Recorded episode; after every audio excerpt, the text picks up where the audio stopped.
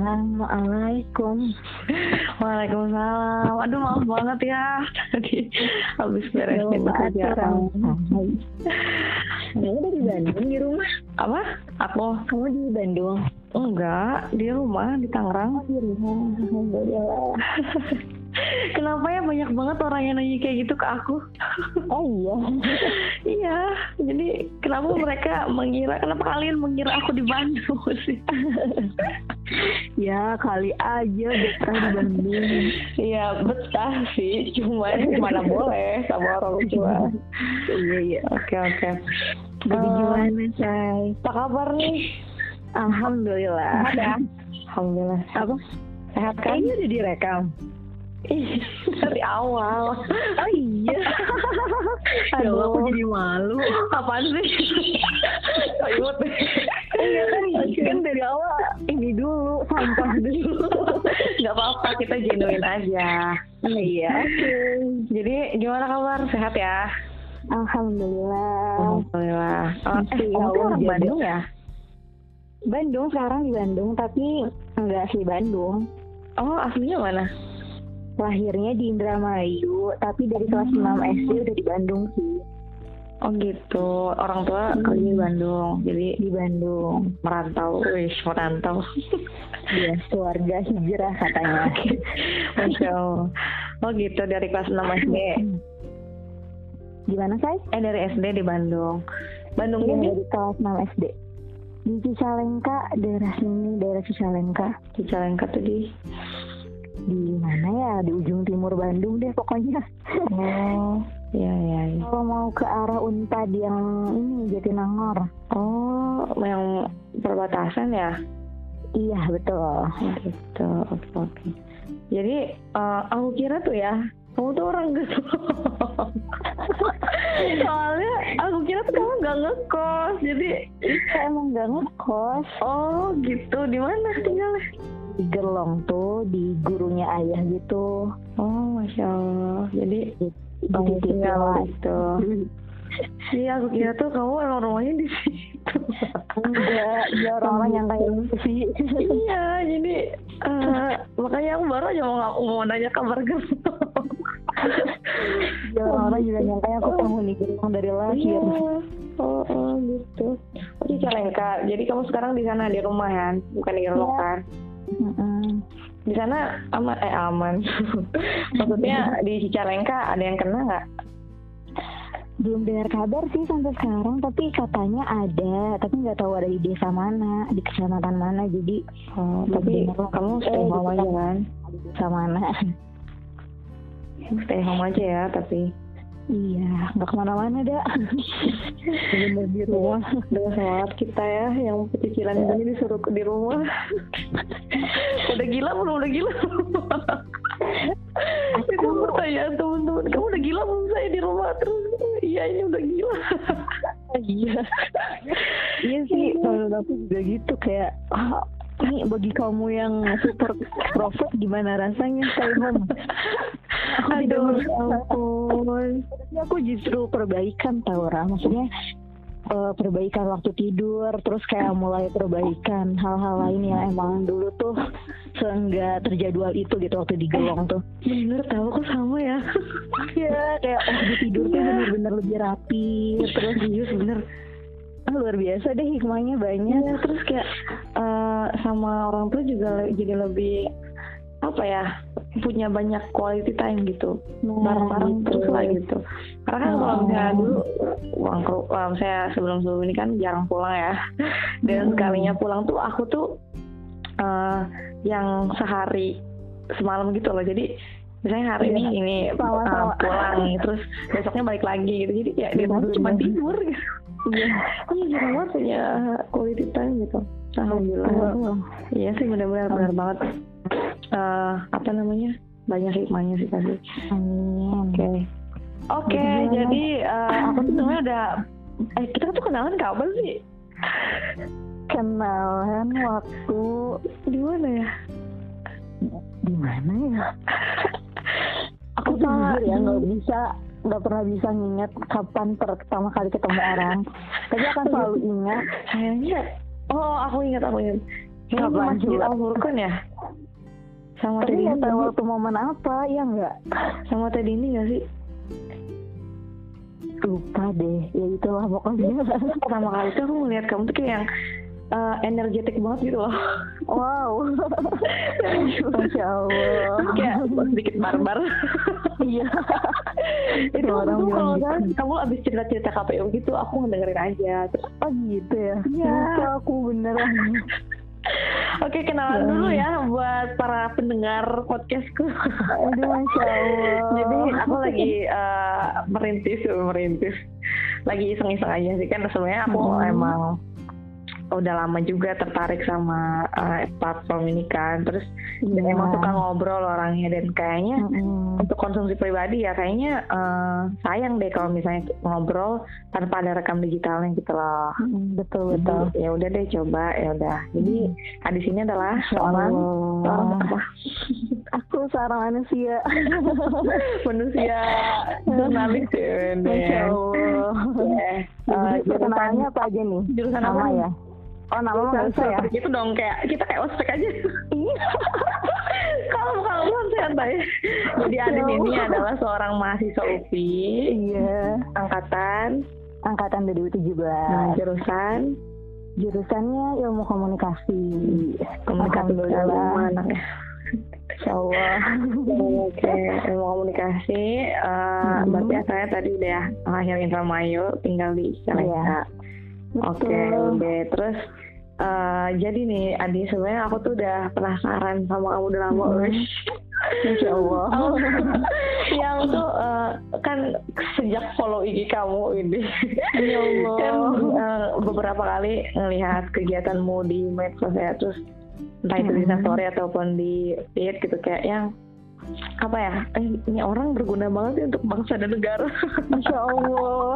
Iya, Alhamdulillah. Aku penasaran eh, tentang kegiatan kamu dan dalam jurnalistik ya, dalam dunia jurnalistik karena kayak yang Hmm. beberapa kali kan sempat lihat eh, kamu upload misalnya lagi di CNN atau lagi nge Hmm. apa namanya wawancarain orang-orang keren lah yang hatiku gila nih anak eh, udah gila nih udah gila sama bener-bener bermanfaat banget dah gitu terus jadi eh, pengen tahu nih eh, awal awal merintis karya atau misalnya mulai kegiatan lah ya Ha-ha. di dunia jurnalis itu kapan? Kapan ya? Ya. Ya, jadi eh, kan di ilmu komunikasi UPI itu sebenarnya ada tiga konsentrasi. Mhm. Nah, konsentrasi pertama itu public relation, itu tuh humas, terus broadcasting, penyiaran, sama yang ketiga itu jurnalistik. Hmm. Nah, sebetulnya dari awal dari SMK dulu tuh udah udah pengen banget gitu masuk ke ilmu komunikasi karena eh sebetulnya enggak sih sebenarnya pengen masuk jurusan kuliah yang memang menampung apa ya minat dan bakat gitu dan alhamdulillah kodarullahnya sama Allah tuh dikasih kepercayaan punya kelebihan di mana minat dan bakat tuh selaras gitu. Hmm. Kan biasanya orang kalau mau Iya, kuliah bener-bener. bingung kayak oh minat aku ini tapi bakat aku ini gitu ya. remaja. Nah, alhamdulillah dari awal tuh sama Allah udah dikasih keyakinan buat Mhm. eh, kayaknya aku eh, apa ya? Jadi passionnya sesuai dengan Mm-mm. skill Kalau kamu aku tuh di sini lah ibaratnya bahasa bahasa anak Ada. aktivisnya gitu ya. Jadi, Gitu. oke oke. Jadi eh, Iya, emang dari SMK. gitu. Eh, SMK-nya jurusan apa? di SMK-nya di DT akuntansi sebenarnya. Ah, akuntansi? akuntansi. Iya. Ya ampun, itu linear sekali. Jadi aku di akuntansi. Kenapa di akuntansi? Kan ada apa sih? Yang apa namanya TIK eh? Yang teknik informatika itu? Halo? Kok ini putus ya? Halo? Ya. Hai. Iya ya, udah udah nyambung. Kan ada yang jurusan yang teknik informatika nggak sih? Eh, yang di SMK itu tuh apa lagi? Iya, kalau di DT itu TKJ-nya khusus Ikhwan. Oh. Jadi kalau Ahmadnya khusus akuntansi gitu. Oh iya iya juga itu. kan. Ingat ingat ingat. Mm-mm. Oh jadi kenapa tuh akuntansi?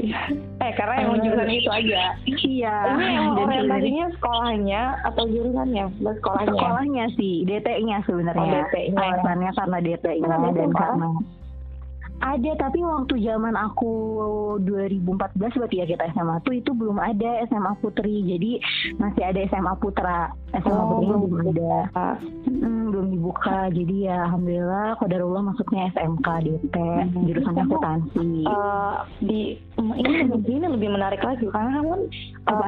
sekolah SMA bukan SMA ya sekolah menengah atas ya itu kan yang di kejuruan yang emang khusus maksudnya fokus gitu ya belajar itu tentang Mm, eh, apa namanya Aku satu uh, akuntansinya. gitu, Iya. ilmu dan gimana kamu bisa nemu passion kamu yang itu kayak yang nggak linear gitu sama yang sedang kamu geluti Oke, gitu. wow.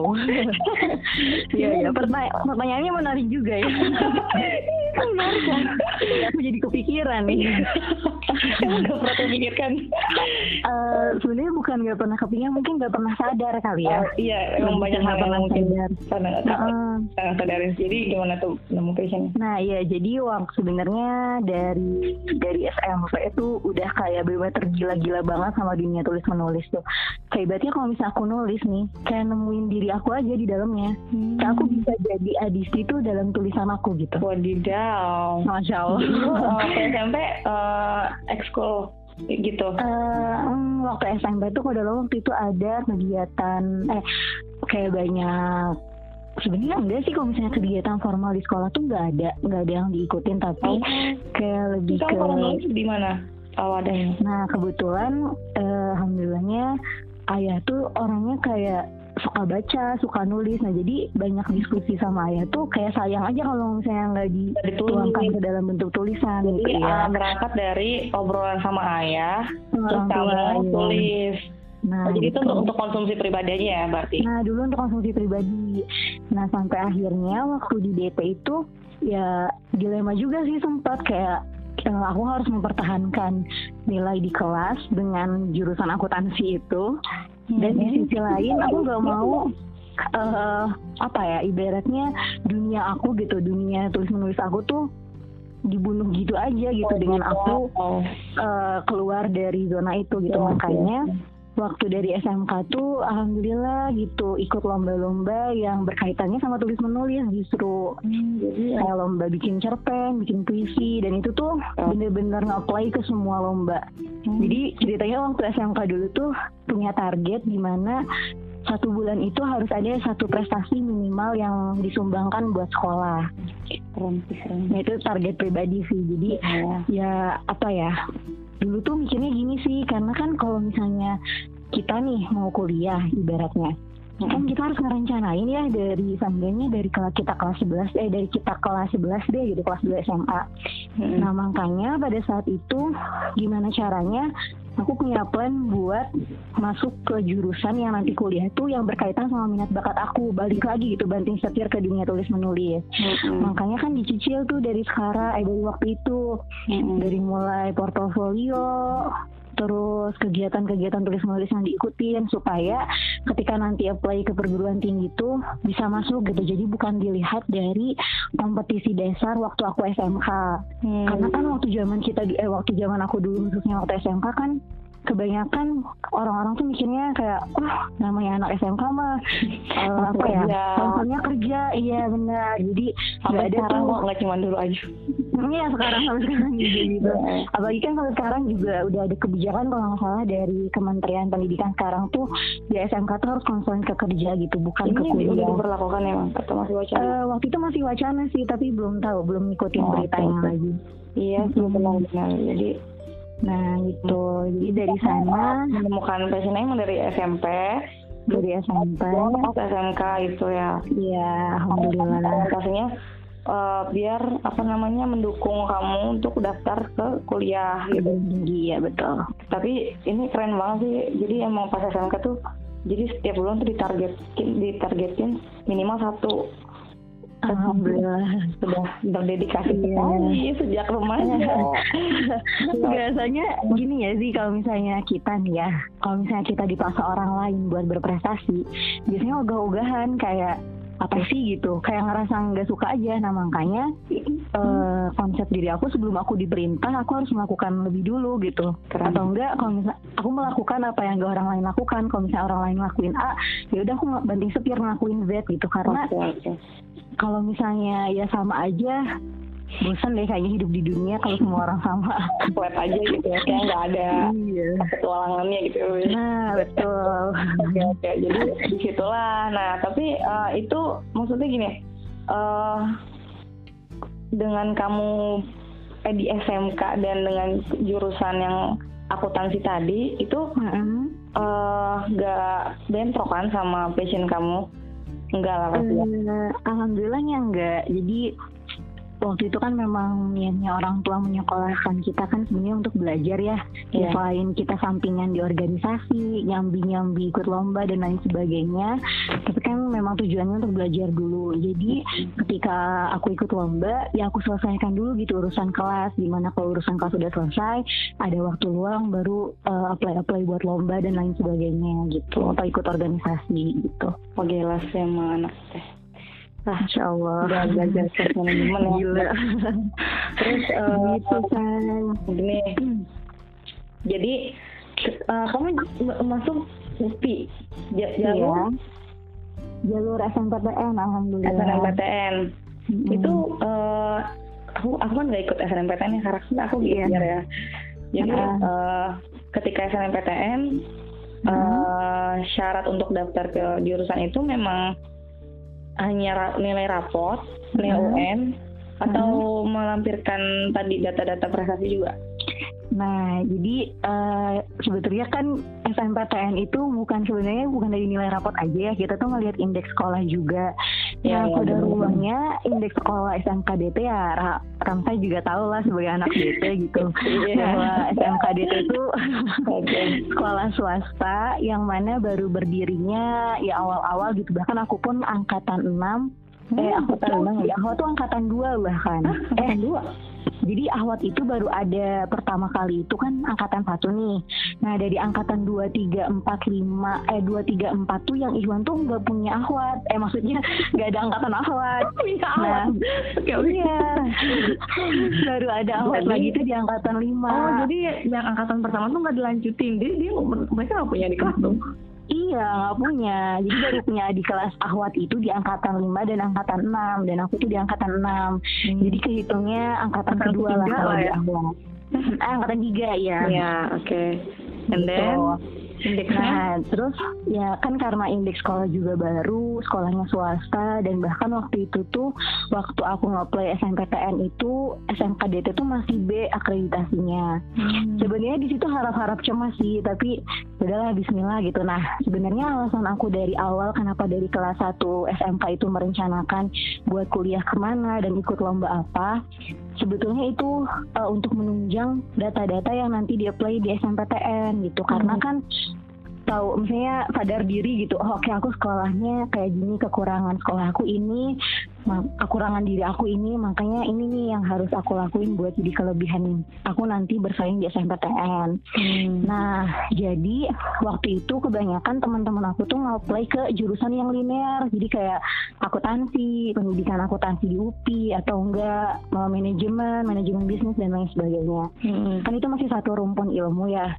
Nah, jadi waktu itu aku sendiri tuh yang melenceng, benar-benar melenceng ke ilmu komunikasi, yang itu tuh masuknya ke humaniora. Iya. Nah, alhamdulillahnya uh, sebenarnya ya itu taktik SNPTN sih mainin kartu kita gitu. Kartu yang kita pegang kan berarti raport, nilai raport, yeah. sekolah sama prestasi yang kita dapat di sekolah. Hmm. Nah, dari sana mulai berkas-berkas yang tadi kayak sertifikat-sertifikat lomba, hmm. terus nilai raport sama semua sertifikat sih bener-bener semua sertifikat tuh iya. dimasukin gitu ke departemen. Kayak gitu. Dan alhamdulillahnya terima. kodarullah keterima gitu di tahun 2017 hmm, mantap gitu deh. itu uh, ketika kamu menentukan di UPI itu kenapa mau di UPI apakah jurusannya? Eh tapi udah pasti ya jurusannya? Jurusannya udah pasti. Nah terus kenapa nih kampusnya UPI ini dia udah kayak ini udah udah kayak kiat-kiat ini apa masuk perguruan tinggi oh iya benar Mbak Ramsay dari ini dari bimbel mana beta ya saya calon guru BK akan memotivasi Masya Allah. anak-anak saya Iya, iya. ya oke oke kenapa Iya, jadi sebenarnya nggak upi sih dari awal tuh kayak kan setiap orang punya big dreams ya. Jadi kayak oh ini cita saya tuh mau ke mana gitu. Nah dari dulu tuh kayak oh aku harus masuk HIUI atau enggak HI Unpad. Dulu tuh pengen HI Hubungan Internasional. Jadi Hmm. eh, emang dari dulu tuh kayak goal plans-nya itu jadi duta eh, Hmm. duta besar. Tapi ya- kayak gitu Iya kan ya.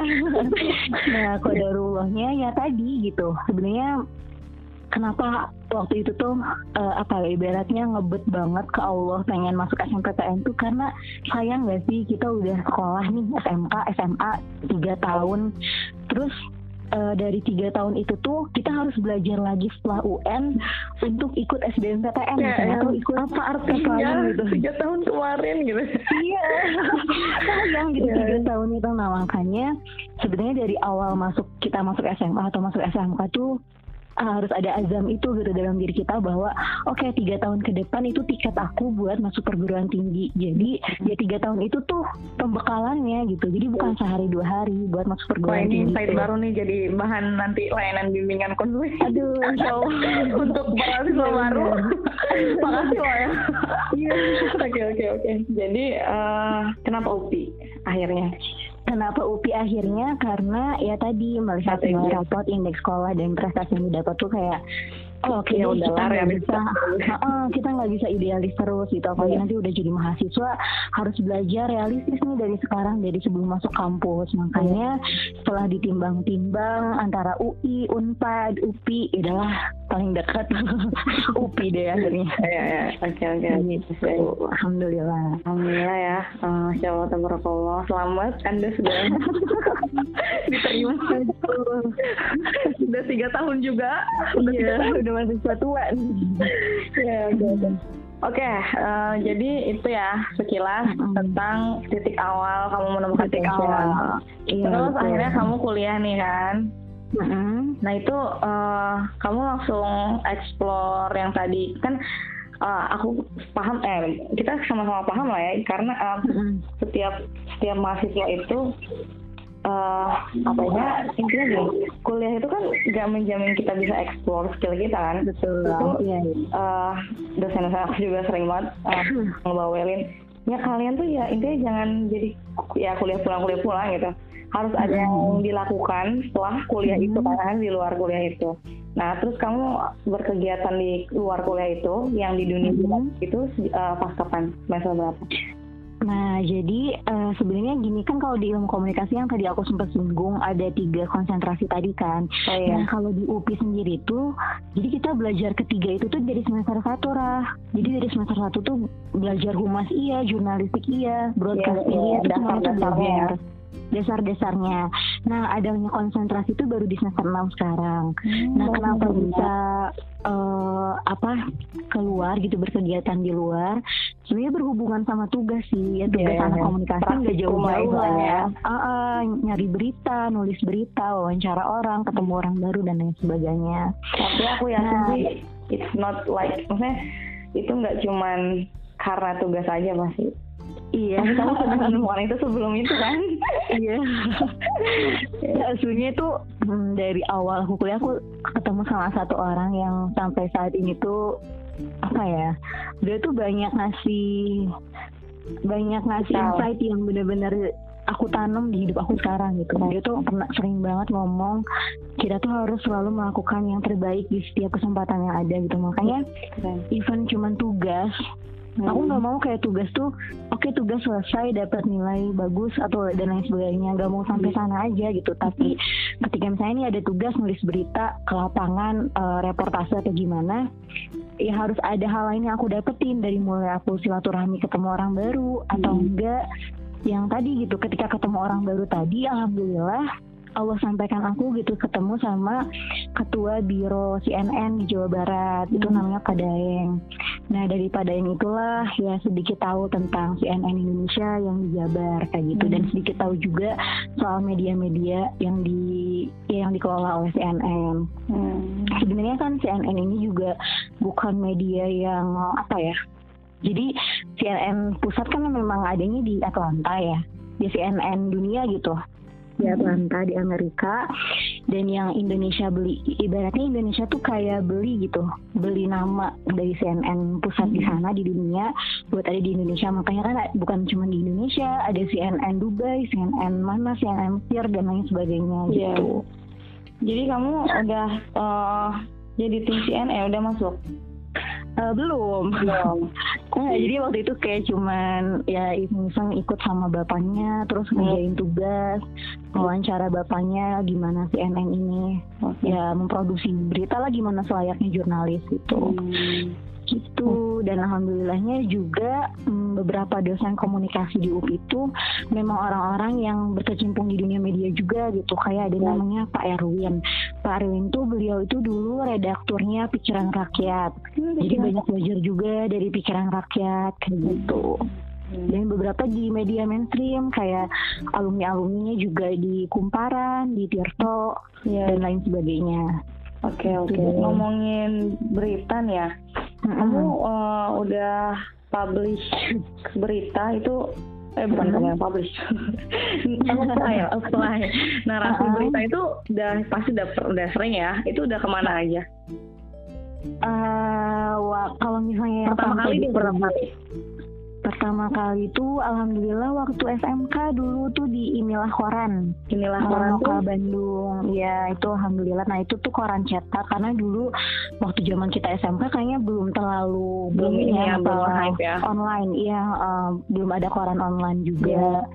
jadi masih ke sana dan alhamdulillah sekarang nah sebenarnya gini sih ini pertanyaan menarik yang bisa di apa ya Wah, yang mungkin buat teman-teman yang dengerin juga apa ya terinspirasi ya. Jadi gimana? Jadi gini kan eh, sebenarnya mungkin semua orang sekarang udah sadar ya ketika dia berlakukannya social distancing ini di mana berita-berita tuh berseliweran gitu tentang wabah ini Tentu saja. Ah, semua orang mengkonsumsi berita itu gitu dari mulai Iya. berita buruk, berita meresahkan, berita hoax, berita lain-lain sebagainya gitu. Dan jarang banget ada berita baik yang menyuarakan itu gitu. Nah di dunia jurnalis tuh kental banget istilah bad news is a good news. Jadi ya berita bagus tuh ya bagi eh, berita buruk tuh bagi jurnalis tuh ya berita baik gitu. Logikanya gini, ketika ada kebakaran jurnal, jurnalis tuh orang yang paling senang deh kayaknya. Karena ibaratnya, ah sih gue nemu berita nih ya. Bener nggak? Iya. Logikanya gitu. Makanya ada istilah bad news is a good news. Tapi eh Qadarullah di UPI tuh ada satu satu dosen komunikasi yang beliau tuh luar biasa banget. Beliau tuh menanamkan ya ke mahasiswanya bahwasannya good news is still good news. Jadi good news tuh ya berita baik tetap harus jadi berita baik gitu. Makanya eh, anak-anak komunikasi ini tuh sebenarnya bapaknya tuh bukan ke ini ya, bukan ke menanamkan lebih ke menyarankan gitu, membuka pikiran kita bahwasannya kalau misalnya nanti suatu saat kamu kerja di media, kamu yang memilih akan menjadi jurnalis yang seperti apa gitu. Apakah akan menjadi jurnalis yang seperti wartawan-wartawan sekarang memberitakan hal-hal yang bagi mereka menguntungkan, Hmm. yang bagi mereka hanya sebuah pesanan saja dari para orang-orang yang mempunyai kepentingan. Nah itu kan Hmm. banyak itu orang-orang yang kayak gitu sekarang, jurnalis yang kayak gitu. Hmm. Nah kita yang mau menempatkan diri di posisi seperti apa gitu. Makanya tadi nyambung ke, oh tulisan kamu udah di-apply ke mana aja. Nah dari mulai aku dapat insight materi dari dosen itu, kayak dari situ aku konsul ke beliau gitu pak gimana nih eh, aku mau mengembangkan tulisan-tulisan aku gitu ketika ketemu orang dari hasil berita ini tapi yang tadi pak aku nggak mau nge-apply ke media-media yang memang semua orang tuh udah tahu gitu gimana sih eh, apa ya ibaratnya ya bahasa kasarnya bejatnya media itu gitu Yes, I see, I see. Hmm. Nah, terus kata bapaknya, oke, eh, sekarang kamu rintis dari sekarang. Katanya kamu bikin laman berita sendiri. katanya. kamu bikin dari mulai hal-hal terkecil dari mulai blogspot yang gratisan atau WordPress dan lain sebagainya. Kamu tulis gitu tentang apa yang kamu dapatkan di sana. Kamu beritakan kepada masyarakat ya berita-berita yang baik yang menentang yang menenteramkan hati mereka katanya. Hmm, ya, jadi bikin nah, media sendiri gitu ya? Uh, jadi ya udah. Ya tapi kan memang nggak bisa dipungkiri. nggak bisa dipungkiri ya bahwa ya kita di sini uh, aku pribadi kan masih belajar banget dan belum dapat apa ya belum dapat pengalaman lebih gitu. Makanya ketika memang ada kesempatan tadi belajar sama CNN belajar sama pikiran rakyat ya udah diterima dulu aja gitu.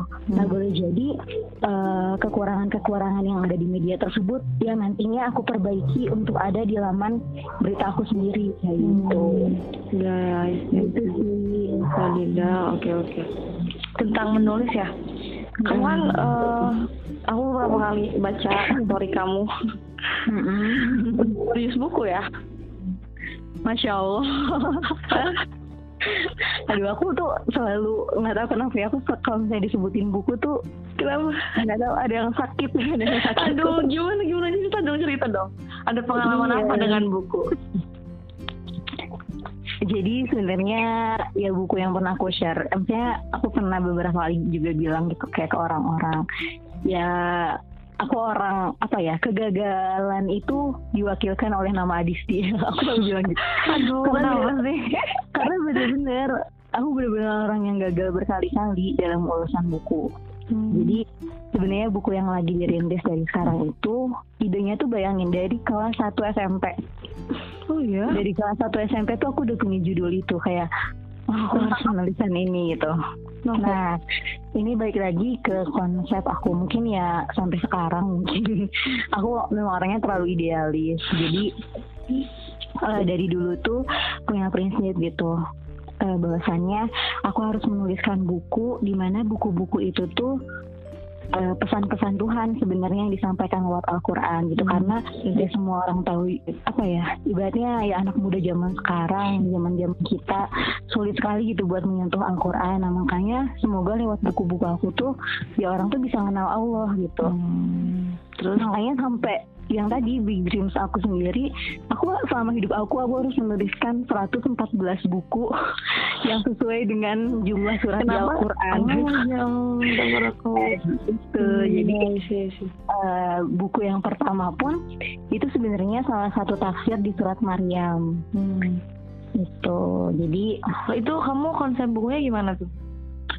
Bukunya ini jadi yang aku ambil itu hanya salah satu percikan ayat di surat tersebut hmm. yang kemudian aku pelajari oh ternyata asbabun nuzulnya gini nih. Oh ternyata uh, kisah dari turunnya ayat ini tuh ini gitu. Kemasannya gimana Nah kemasannya biasa fiksi, cerita fiksi. Hmm. Aku bikin dibikin novel, bukan cerita-cerita buku kayak penulis-penulis uh, kayak kata-kata motivasi gitu enggak cerita oh, fiksi jadi uh, novel cerita buku novel gitu. bentuknya iya jadi kamu berkisah di situ ya berkisah di sana ya, oh. ya sama sama tokoh-tokoh yang aku munculkan gitu oh.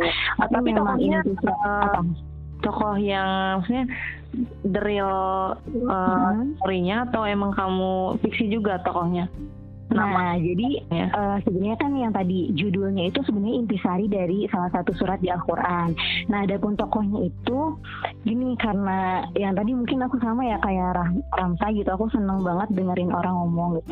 Di samping ya ibaratnya gini kalau misalnya aku nggak baca buku, aku harus diskusi sama orang. Pilihannya itu dua. Hmm. Jadi ketika diskusi sama orang, dengerin curhatan orang tentang keluarganya, tentang kisah cintanya, tentang kehidupannya yang jatuh bangun gitu. Nah, bagi aku itu gitu tokoh dalam cerita aku jadi ketemu satu orang nih tipenya orang kayak gini ketemu orang B orangnya kayak gini ketemu orang C beda lagi gitu hmm. nah aku tuh membuat satu karakter yang memang itu tuh tiga apa ya tiga kesatuan dari karakter yang aku temuin di kehidupan nyata teman-teman aku sendiri gitu aku hmm. bikin satu karakter fiksi yang ada di novel aku hmm. gitu jadi kayak oh idealnya lah ibaratnya tipe idealnya dari karakter yang di kehidupan nyata di teman-teman aku tuh hmm. aku bikin tipe idealnya di eh. versi novel terus itu kamu beneran nulis dari kelas satu SMP cerita itu uh, waktu kelas 1 SMP tuh jadi bener-bener waktu kelas 1 SMP nih udah bikin dari awal sampai akhir endingnya mau gimana dan lain sebagainya. Oh udah Aku udah selesai itu teh. Udah selesai, udah selesai. Terus aku apply ke penerbit, terus kayak penerbit banyak sih banyak responnya yang apa ya, yang paling aku ingat pertama kali aku ditolak tuh jawaban penerbitnya gini. Eh, kamu tuh eh kalau naskah ini dikasihnya sama Asmana dia, Helpi Diana Rosa, terus dia nyebutin lah eh, penulis-penulis Islam lainnya gitu, Hmm. akan saya sangat terima katanya gitu. Tapi ini ditulis oleh seorang, ya oleh kamu gitu, gadis. Ya ibaratnya waktu itu aku masih kelas berapa ya? Masih bocah ya. Masih bocah gitu dengan novel dengan seberat ini ya bagi dia tuh sangat sulit gitu. Tapi aku paham sih karena setiap penerbit pasti butuh pemasaran. Maksudnya mereka tuh marketingnya. ya, dari sana gitu keuntungannya. Makanya pasti mereka pun menerbitkan buku-buku yang memang bagi mereka menguntungkan perusahaannya. Mm-mm, jadi karena bagi mereka waktu itu novel aku terlalu berat banget buat ukuran Hmm. seorang penulis pemula lah. Istilahnya sederhananya gitu. Gila udah akselerasi ini. Oke, Nah, oke. jadi- Jadi itu pertama kali ditolak. Nah, Eh, kamu nyoba lagi dong. nah jadi Terusnya gimana sedih gak sih? ya tadi karena ya tadi ya bahwa kegagalan itu representasi banget dari Adisi makanya aku siap gagal siap aku gagal bayangin saya siap aku ditolak satu penerbit aku tuh vakum tiga bulan gak nulis Ya. Even cuma nulis kayak kan biasanya suka iseng ya kayak nulis di note HP di laptop itu. Enggak kayak nggak mau aja gitu. Kayak udah oke aku harus ngasih asupan ke diri aku buat buat healing dulu gitu. Iya. tiga bulan. Jadi ya siap ditolak tiga bulan vakum nyob berdiri lagi bangkit lagi nyoba lagi ditolak lagi vakum lagi itu aja terus. Nah sampai akhirnya ya eh, aku ketemu satu orang di awal-awal eh di awal tahun 2019 kemarin yang dia tuh menyadarkan aku bahwasannya aku nggak bisa harus gini terus gitu Hmm. aku nggak bisa jadi orang yang ketika gagal aku berhenti dulu terus aku nunggu buat ada kekuatan lagi buat bangkit itu nggak bisa aku hidup kayak gitu terus nah Kenapa? waktu itu tekonit orangnya Hmm. jadi alhamdulillah ketemu sama Tekoni terus ya banyak dikasih insight sama Tekoni sempet malah dikasih apa ya kayak yaudah tuh self publishing aja. Soalnya kan buku Tekoni yang seni tinggal di bumi juga beliau tuh self publishingnya nerbitin sendiri. Oh, justru iya? aku nggak sanggup banget. Iya, itu buku bikin sendiri tetehnya dari mulai eh, gak ilustrasinya tulisan beliau sendiri gitu Hmm. Butuh modal yang besar buat self publishing itu Iya sih, emang itu luma- lumayan nekat sih kayak gitu. lumayan lumayan nekat banget bayangin kalau misalnya bukunya nggak laku Iya, dan aja ditambah sendiri iya dan masya Allah berani banget gitu ya. berani banget nah nah makanya di situ adalah satu orang yang menyadarkan aku bahwa ya karya tuh bukan hanya soal buku kata beliau jadi dari sana aku mencoba bahwa ketika sambi-sambi gitu nulis aku masih jalan buat ngerevisi buku aku atau cari eh, sudut pandang lain soal buku aku dan di lain pihak ya tadi ya iseng-iseng bikin karya di Instagram sharing-sharing soal apa pun gitu konten-konten kecil lah di Instagram Iya. dan ternyata tuh Iya. berguna banget Mm, ternyata ketika ngerasa tadi ya ngerasa jatuh lagi tuh kayak enggak enggak karya itu bukan soal ini gitu kalau misalnya memang niatnya buat dakwah ya bukan cuma soal buku Hmm. bisa ada media Jadi lain kamu gitu. jadi lebih terbuka. eh, nah pandangannya gitu Oke oke oke. gitu Wah, Wah, perjalanannya sangat kecil sekali. iya masya Allah Eh, merasa terpuruk itu ketika kamu merasa terpuruk ya ketika ditolak eh apa sih yang terlintas di pikiranmu? Atau apa yang kamu rasakan? Iya. apa ya? Aku merasa menjadi bukan manusia. Apa dong Ali? Kenapa? Apa yang kamu pikirkan?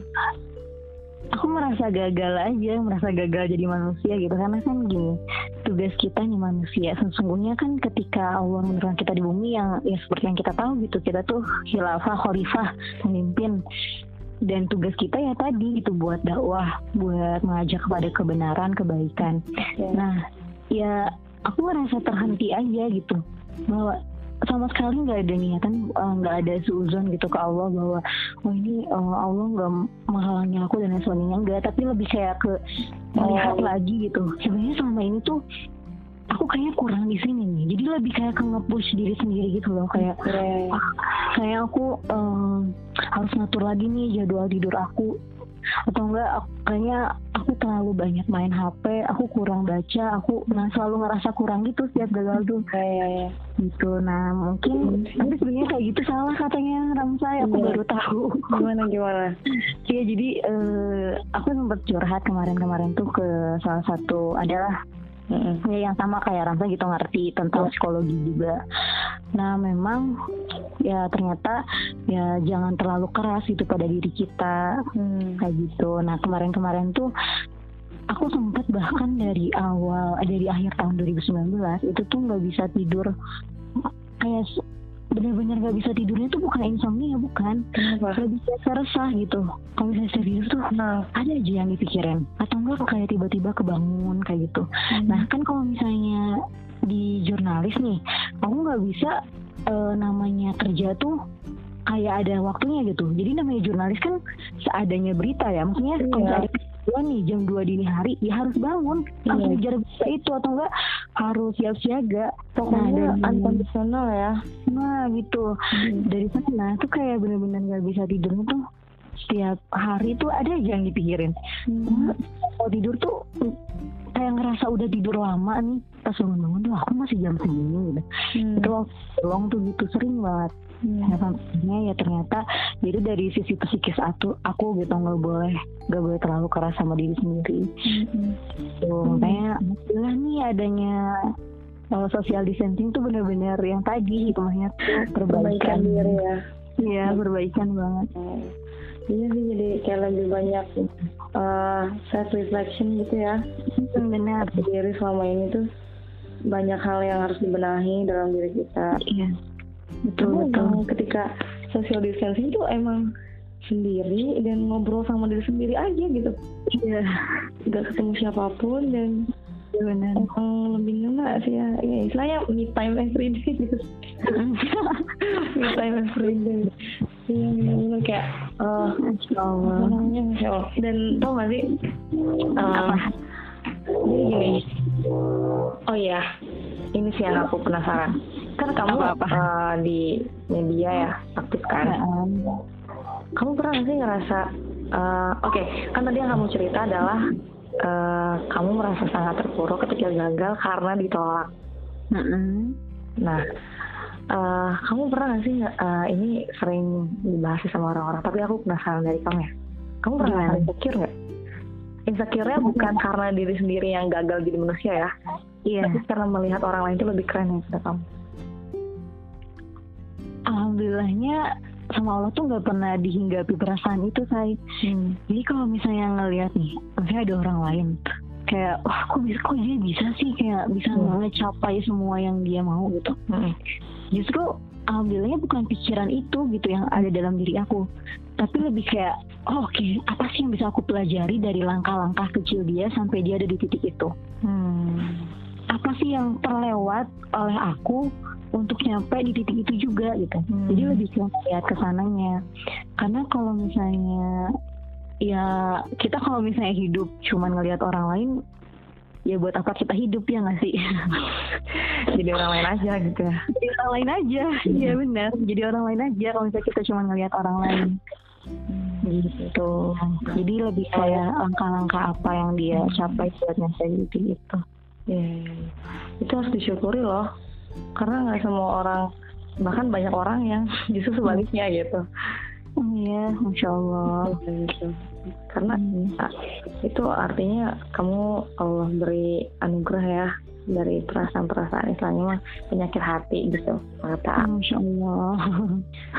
oke Eh, terus ayah uh, oh, tadi belum selesai jadi eh, kamu ketika mm, ber- eh, ketika gagal itu ya mengalami kegagalan itu kamu marah-marahin diri kamu lah istilahnya ya. Mm-mm. Uh, kenapa sih kamu kayak gini terus kayak oh, yeah.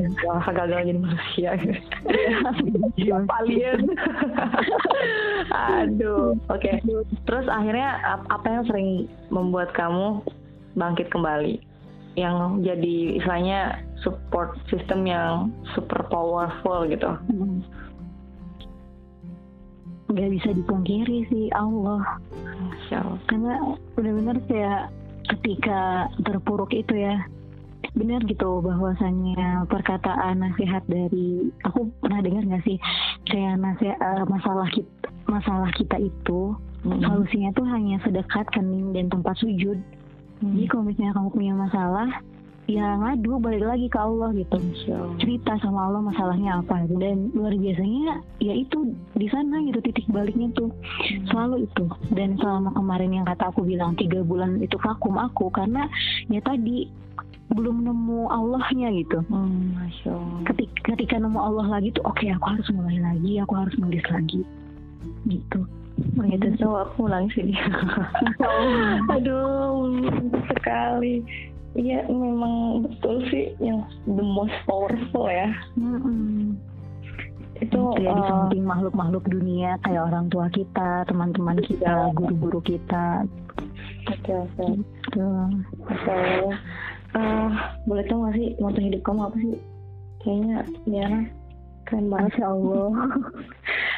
Nah, aku paling nggak bisa di, di, di iniin mata hidup aku. Kenapa? Ganti-ganti terus. Enggak kan, soalnya orang-orang kayak gitu. Apa-apa gimana? Iya orang-orang tuh ada aja kan lawakan jadi Hmm. eh, lu sering gak sih gonta-ganti foto hidup saya daftar ini terus ada foto hidupnya ini terus nanti daftar yang lain lagi ganti lagi Aku pernah dengar, aku pernah cerita itu. iya ini orang punya tujuan hidup gak sih gitu kata gitu iya sih benar-benar eh, ya biasanya tuh kata ada lagi lawakan iya biasanya sih yang moto hidup ya ya udah sih quote quote aja gitu itu ya lawakan aja sih yang mungkin mungkin terjadi juga untuk beberapa orang yang mungkin tidak menginternalisasikan itu dalam dirinya jadi apa nih prinsip hidup? Halo? Hmm. Kedengaran nggak say? ya ya Kalau misalnya ditanya terlalu detail, ya sebenarnya aku nggak tahu ya aku nggak pernah mencantumkan itu. Bisa tiap aku mencantumkan moto hidup gitu. ganti-ganti Ya juga itu itu aja. oh itu, Tapi- aja Nah, tapi ya bagi aku lebih dari itu gitu apa gimana? iya maksudnya eh, kalau aku baca ya maksud kamu tuh eh mungkin satu satu yang moto hidupnya cuman sebenarnya lebih luas dari itu gitu Nah, iya benar-benar dia nangkepnya gitu, betul betul.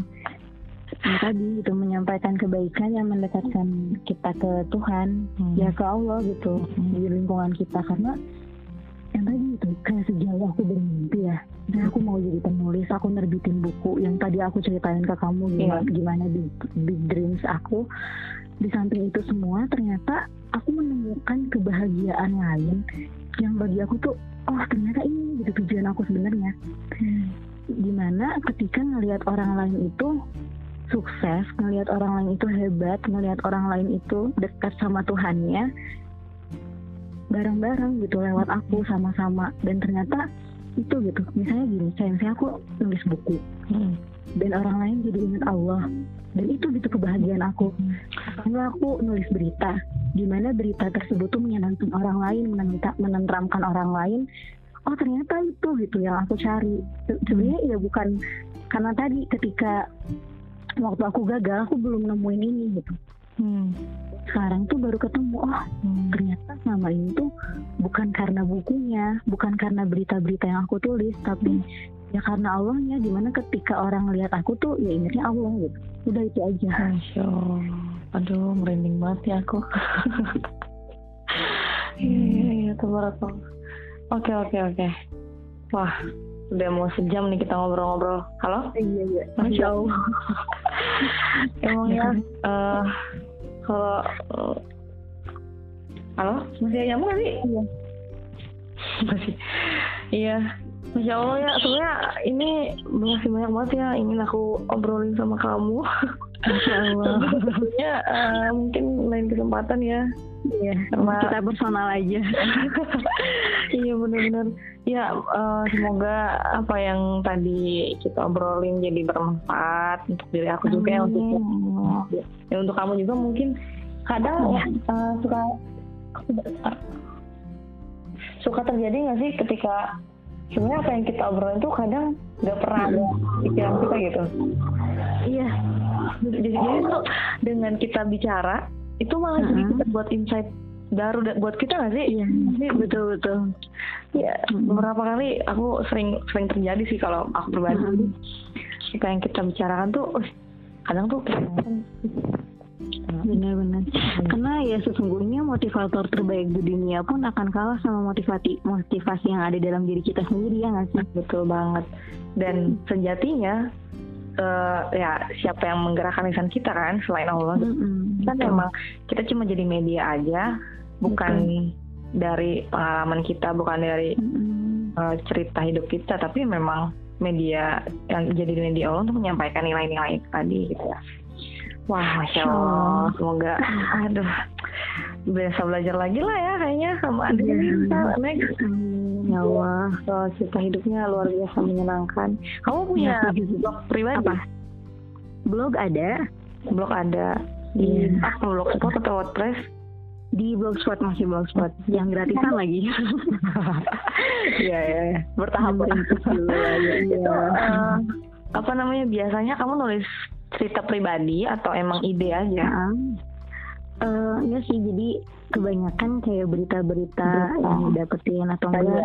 uh, uh, tadi ketemu orang baru. Tapi aku ngerangkumnya dalam bentuk berita gitu. Oh, ya buat mengasah tadi si jurnalistiknya tadi. Ya. Jadi emang saya nggak terlalu fiksi. Iya oke oke. Oke lah nanti mm, insya Allah kapan-kapan aku baca ya. Iya. linknya di mana? Di bio ada, ada bio Instagram. Oke. Oke deh. Kalau menulis ya sebenarnya hmm. uh,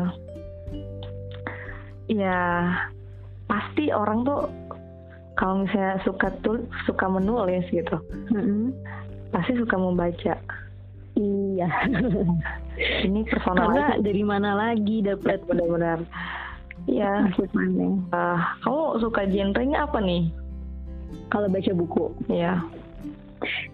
Uh, berlevel. Jadi waktu ke waktu SMP dari kelas kamu baca buku genrenya apa?